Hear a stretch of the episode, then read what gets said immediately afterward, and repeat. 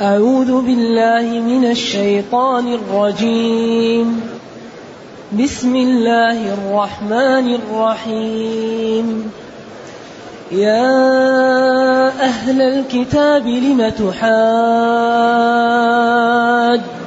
في إبراهيم وما أنزلت وما أنزلت التوراة والإنجيل إلا من بعده أفلا تعقلون ها أنتم هؤلاء حاججتم فيما لكم به علم فلم تحاجون فيما ليس لكم به علم والله يعلم وأنتم لا تعلمون. الحمد لله الذي أنزل إلينا أشمل كتاب وأرسل إلينا أفضل الرسل وجعلنا خير أمة أخرجت للناس فله الحمد وله الشكر على هذه النعم العظيمة والآلاء الجسيمة. والصلاة والسلام على خير خلق الله وعلى آله وأصحابه ومن اهتدى بهداه. أما بعد فإن الله جل وعلا يبين في هذه الآيات كذب اليهود والنصارى بادعائهم أن نبي الله إبراهيم كان على دينهم. يا أهل الكتاب يا حرف نداء للبعيد أهل هم أصحاب. الكتاب هو الكتب والمقصود به هنا التوراة والإنجيل. لما اللام حرف جر وما استم استفهام أصلها لما فحذفت الألف منها للتفريق بينها وبين ما الموصولية. ما الموصولية ما تحذف منها الألف لكن لما الاستفهامية تحذف منها. لما؟ لأي شيء تحاجون تخاصمون وتجادلون في شأن إبراهيم. والحال أن التوراة والإنجيل لم تكونا إلا بعد موته بمدة طويلة. إذا من أين لكم هذا؟ إذا موسى بينه وبين إبراهيم ستمائة ونيف أو سبعمائة أو ألف وزيادة. وبين عيسى وموسى ألف أو ألفا أو ألف وزيادة. إذا لما على أي شيء تحاجون في شأن إبراهيم وفي كونه؟ والحال أن التوراة والإنجيل لم تنزل إلا من بعده بمدد طويلة. إذا أنتم هذا الذي تقولون سراب وكذب وليس حقيقة. لأنكم تنسبون رجلا لدين والدين جاء بعده بمدة. وبعدين التوراة والإنجيل لم تذكر إبراهيم ولم يأتي فيها. إذا أنتم كذبة وما قلتم على إبراهيم غير صحيح. لذلك هذا الدين إذا مسك قضية لا بد أن يقتنع الإنسان. الإسلام عجيب في الحجج. أي قضية يمسكها القرآن أو أي حجة يوضحها حتى لا يبقاش لمن يريد أن يغالط لا يبقى له سبيل. ها أنتم هؤلاء. بعدين يا أهل الكتاب لم تحاجون؟ لم تجادلون في إبراهيم؟ وتخاصمون؟ والتوراة والإنجيل لم تنزل إلا من بعده. كيف يتبع التوراة والإنجيل وهي وهو سابق لها؟ واحد جاء قبل مجيء شيء كيف ينسب له؟ وإنما الأخير هو لينسب لماذا؟ للأول لكن التوراة والإنجيل ما ذكرت إبراهيم. بخلاف دين محمد صلى الله عليه وسلم فإنه قال في صريح كتابه ماذا قال له في سورة النحل في آخرها؟ ثم أوحينا إليك أن اتبع ملة إبراهيم حنيفا وما كان من المشركين. ثم أوحينا إليك أن أي أنه الأمر والشأن تبع ملة إبراهيم حنيفا وما كان من المشركين. ولذا قال إن الدين عند الله الإسلام. فإذا الإسلام يعني هو وإبراهيم ودين الله. إبراهيم حج النبي صلى الله عليه وسلم حج. إبراهيم ترك الأوثان النبي صلى الله عليه وسلم ترك الأوثان. إبراهيم اختتن النبي صلى الله عليه وسلم مر بالاختتان. إذا أما اليهود والنصارى فليس لهم علاقة بإبراهيم. وكتابهم الموجود ما ذكر إبراهيم ولا ذكر صحفه ولا ذكر شيء عنه. طيب ها أنتم. ها يمكن حرف تنبيه ويمكن مبدلة من أصلها همزة. لأن الهاء دائما الهمزة تبدل هاء في اللغة العربية. أرقنا لومض البارق المتعالي ببغداد وهنا مالهن ومالي. إذا لاح إيماضا سترت عيونها كأني عمرو والمطي سعالي. هرقنا وأرقنا. وآل وأهل. إذا ها أنتم أو أنتم. هل هي هاء تنبيه أو همزة استفهام أبدلت هاء؟ أقوال لعلماء اللغة والنحو. وما يقوله بعض يعني المسلمين من أنه يجوز أن تقرأ بين بين هاء خالصة هذا مع الأسف خطأ.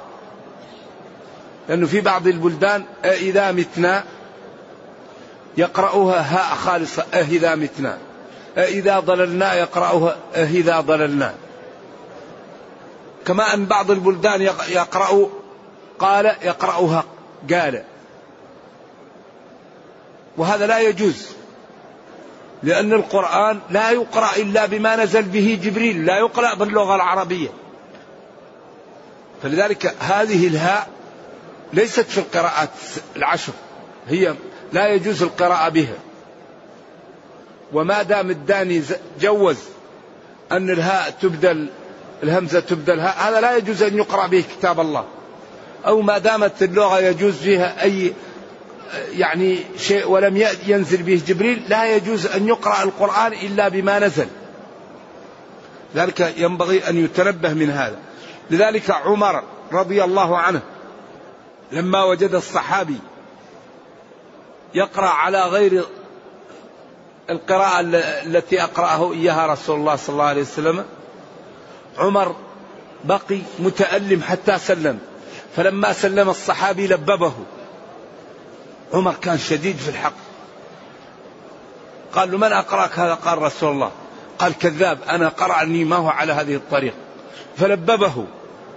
وراح يقوده. حتى أتى به للنبي صلى الله عليه وسلم. فقال له أرسله يا عمر اقرأ. قال هكذا أنزلت. والسورة اللي كان يقرأ سورة الفرقان. وهذا الحديث الصحيح. قال له اقرأ أنت يا عمر. قال هكذا أنزلت. شوف هكذا أنزلت. ثم قال إن القرآن أنزل على سبعة أحرف. وسبعة أحرف هذه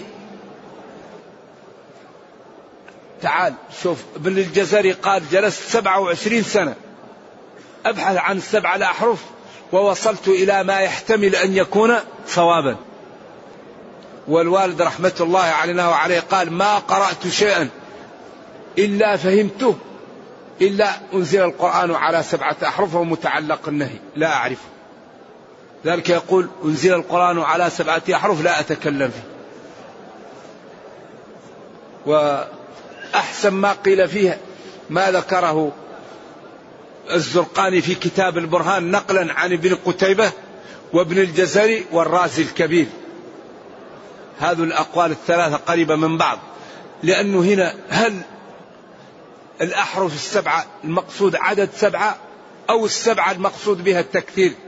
لأن نهاية سبعة في اللغة العربية السبعة هي نهاية العدد في اللغة العربية. فإذا جاء في اللغة العربية السبعة فهذا يقصد به التكثير. كمثل حبة انبتت؟ سبع سنابل. إن تستغفر لهم سبعين مرة. فالسبعة وما يتصرف منها هذا يدل على العدد الكثير. هل المقصود السبعة عين السبعة أو المقصود أن القرآن جاء على جهات كثيرة للتخفيف؟ طيب وما المقصود بالسبعة هنا؟ هل المقصود الجهة ومن الناس من يعبد الله على حرف على ناحية؟ والحروف السبعة أعم من القراءات السبعة لأن القراءات السبعة والعشرة داخلة في الحروف. لذلك لا توجد كلمة من القرآن تقرأ على سبعة أوجه متواترة أكثر شيء ستة. مما يدلك على أن السبعة هذه المقصود منها قد يكون التكثير. فأما ما يقوله بعض العلماء وأنه إذا قرأت هلم بتعالى وأنه ما لم تجعل حلالا حراما أو منفي هذا لا شك في بطلانه. القرآن لا يقرأ إلا بما أنزل به. جبريل علمه محمد صلى الله عليه وسلم ومحمد صلى الله عليه وسلم علمه الصحابة والصحابة علموه التابعين والتابعون علموه أتباعهم حتى وصل إلينا. حتى قال العلماء لا يجوز أن يقرأ القرآن وجادا. بمعنى أنه لا يجوز للمسلم أن يأخذ المصحف ويفتحه ويقرأه من غير شيخ لكن لا بد أن يقرأ التجويد أول ويقرأ على شيخ حتى يستقيم لسانه ثم بعد ذلك يأخذ المصحف ويقرأ. لكن في البداية لا يجوز أن يأخذ المصحف ويقرأ. لا بد من شيخ. القرآن لا يقرأ إلا بشيخ. إذا آه أنتم أو ها أنتم هل هو آه، يعني هاء تنبيه أو ألف أبدلها أن ألف استفهام؟ إذا ما قاله بعض العلماء من أنه يجوز أن تقرأ بين بين بالهاء الخالصة هذا غير صحيح. ولما وصل الوالد رحمة الله علينا وعليه في أضواء البيان إلى الواقعة في آيتها فأشرنا إليه أن القراءة هذه لا تجوز ويقرأ بها. قال هذه ليست في موضوع الكتاب لأن الكتاب ألف في نقطتين. النقطة الأولى آية لها آية مبينة لها يأتي بها. النقطة الثانية الآية التي لها آية مبينة لها وتتعلق بالأحكام الفقهية. يأتي بأقوال العلماء وأدلتهم وبحججهم ويرجح ما رجحه الدليل. قال هذا ليس في موضوع الكتاب. نعم. لا في في في الواقع إذا متنا. إذا متنا وكنا ترابا وعظاما في الجزء السابع. فلما نبه على أن هذا يحتاجه الناس قال اكتب إن الهاء الخالصة لم ينزل بها جبريل على محمد صلى الله عليه وسلم. ولا تجوز القراءة بها لأن القراءة سنة متبعة. كما أن قال ما يجوز أن يقرأ قال ألم, ألم أقول لك؟ مشكلة. قال ألم أقول لك؟ ما يجوز أن نقول قال ألم أقول لك. لا ما يجوز هذا. فلا يقرأ القرآن إلا بما نزل به. وإذا كان الإنسان بعض الحروف تصعب عليه يعود وليس بينه وبين تركه إلا رياضة امرئ بفكه. الإنسان يتعود حتى ينطق الحروف جيدة. إذا ها أنتم يا يهود ويا نصارى حاججتم فيما لكم به علم في التوراة والإنجيل وفي قضاياها فلم تحاجون فيما ليس لكم به علم؟ فعلى أي مستند تحاجون وتجادلون فيما لا تعلمون؟ لذلك يقال إنهم لما أرسل النبي صلى الله عليه وسلم بعض الصحابة لما اشتد عليهم الأمر في المدينة إلى الحبشة أرسلوا رجالا منهم أشداء وأرسلوهم بهدايا. وقالوا هؤلاء من قومنا خرجوا علينا وصبأوا ويريدون أن يفسدوا دينكم كما أفسدوا ديننا. فلما ناداهم قال لهم نحن كنا نعبد الأوثان ونقتل بعض ونأكل الميت ونفعل. فجاءنا رجل منا معروف بالأمن والصدق وأمرنا بأننا لا نعبد الأصنام. وبأننا نصل الرحم وبأننا نفعل كذا وكذا وكذا. فرحوا وأغروهم وقال هم يقولون إن عيسى يسبون عيسى ويقولون إن عيسى عبد وأنه ليس إله. قالوا نحن نقول ما قال الله. كلمته ألقاها إلى مريم وروح منه. نعم إن مثل عيسى عند الله كمثل آدم. فقال النجاشي والله ما زاد ما عندكم. على ما عندنا كما زاد هذا. يعني وأخذ جزء من السواك وقال والله ما نقص هذا عن هذا إلا ما ينقص مثل هذا. ثم قال لهم لن تراعوا في محلي وهؤلاء على ملة إبراهيم. ولذلك هو كان رجلا عادلا لا يظلم أحد في بلده. فلذلك ترى أعينهم تفيض من الدمع مما عرفوا من الحق. نعم. ولذلك أكثر القساوسة يعني يسرون إسلامهم. النصارى. ذلك بأن منهم قسيسنا ورهبانا وأنهم لا يستكبرون. كثيرا من هؤلاء يوجدون يصلون ويصومون ويسرون إسلامهم في إيش؟ في بيعهم وفي كنائسهم. لأن الذي يدرس منهم ويتعمق في الدراسة يتحقق أن الإسلام دين صحيح. لأن هذا الإسلام دين, دين لا يمكن أن يقاوم إلا بش إلا بالتجهيل. نعم. لا يقاوم الإسلام إلا بأن لا يسمح له بأن يقول أو يكون أصحابه جاهلين به. إذا نحن حري بنا أن نفهم هذا الدين وأن نظهر للناس جماله. وأحسن طريقة لإظهار جمال الدين أننا نلبسه. الدين يلبس. كما أن الثوب يلبس الدين يلبس. الإنسان يلبس الدين ينظر نظرة المسلم ويمشي مشية المسلم وينام نوم المسلم ويبيع بيع المسلم ويسافر سفر المسلم ويتزوج زواج المسلم. فالدين يجعل الإنسان إذا لبسه الإنسان لبسه أظهر جماله وتأثر به من حوله. أما إذا كنا نتعامل مع الدين في المساجد فقط هذا يكون نفعنا بالدين قليل. الواحد يأتي للمسجد ويصلي ويقرأ القرآن وقد يوتر حتى يصلي الشفع والوتر في المسجد. ويأتي للبيت وكأنه إذا أراد أن يخرج من الميت يقول للإسلام مع السلامة في أمان الله خليك في المسجد. المسجد طاهر ونظيف والشوارع والناس خليك في المسجد حتى نرجع لك. لا. ينبغي نمشي بالإسلام في البيت وفي الشارع وفي المكتب وفي الطائرة وفي المزرعة وفي كل محل. لا بد أن نلبس الدين. فإذا جاءتك الصلاة وأنت في المزرعة أو جاءتك وأنت في الطائرة أو جاءتك وأنت في المكتب صلي. يعني لا بد أن ندفع ضريبة الدين. كل واحد منا يدفع ضريبة الدين لكن بالرفق. جاءت امرأة تريد تسلم عليك. غير محرمة. ماذا تقول لها لا نصافح النساء. حياك الله يا أخت. لكن لا يجوز أن نلمس جسمك. لأن الله قال قل للمؤمنين يغضوا ومن باب أولى اللمس. قال فلا تقل لهما. إذا نضربهم في من باب أحرى إذا هذا هذا من باب أولى. يعزمني جار غير مسلم أو أو متساهل. على ميتة؟ أقول له أنا لا أكل الميت. على شراب مشبوه. أقول أنا لا أكل على مائدة عليها هذا الشراب. فلا بد أن ندفع ضريبة الدين. فإذا دفعنا ضريبة الدين أعزنا الله بالدين وأعز الدين بنا. وإذا كان كل واحد يستحي يقول تكسفها. ويقول هذا تكسفه أو بعدين نصلي ما هو الآن الآن نحن بعدين وقت حتى نرجع للبيت.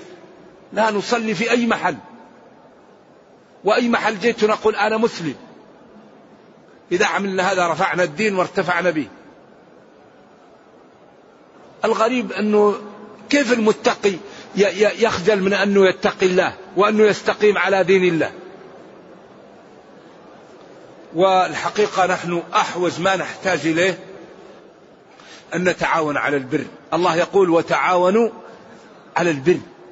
إذا تعاوننا على البر كل واحد يتشجع كل واحد يدعو الثاني كل واحد يقوي الثاني. وإذا لم نتعاون كل واحد يضعف وإنما يأخذ الذيب من الغنم القاسي. وشعيب قال له قومه ولولا رهطك لرجمناك وما أنت علينا لكن رهطه منعه. فلذلك لو يتحد المسلمون ويتآلفون ما يقدر أعداءهم يعملون بهم. يقولون لهم ولولا رهطكم لكن الآن يرجمون المسلمين أعداءهم يرجمونهم. وأقوى قوة تضعف المسلمين هو إيش؟ ولا تنازعوا فتفشلوا. هم يتحدون ونحن إيش يفرقوننا؟ هم يتآلفون ونحن ينفرون بيننا. وهم علموا من ظاهر الحياة الدنيا أن بالتنازل تكون القوة. لذلك هذا يتنازل قليل وهذا يتنازل قليل ويكون قوة اقتصادية هائلة. والمسلم مع المسلم لا يتنازل أبدا. ذلك لا بد من التنازل. ما يمكن أن يقع صلح ولا يمكن أن يقع فائدة إلا بتنازل البعض عن البعض سواء في البيت أو مع الأصدقاء أو مع الجيران. ذلك قال صلى الله عليه وسلم إن ابني هذا سيد. أيوة. وسيصلح الله به بين فئتين عظيمتين من المسلمين. فلذلك حقيقة ينبغي أن نشيع بيننا التسامح. واحد أساء عليك سامحه واحد أنت وهو بينكم شراكة بينكم ميراث. إذا لم يتنازل واحد لا بد أن تقع بينهم مشكلة. لكن إذا تنازل كل واحد عن بعض الشيء جاءت الألفة والمحبة. إذا ها أنتم هؤلاء جادلتم فيما لكم به علم. وهو قضية التوراة والإنجيل أو صفات محمد صلى الله عليه وسلم. فلم تحاجون وتجادلون فيما ليس لكم به علم؟ والله يعلم وأنتم لا تعلمون. فلذلك ينبغي أن تتبعوا شرعه ودينه وتبتعدوا عن مخالفته فإن ذلك يورثكم آه، يعني العقوبة في الدنيا والندامة في الأخرى. وصلى الله وسلم وبارك على نبينا محمد وعلى آله وصحبه والسلام عليكم ورحمة الله وبركاته.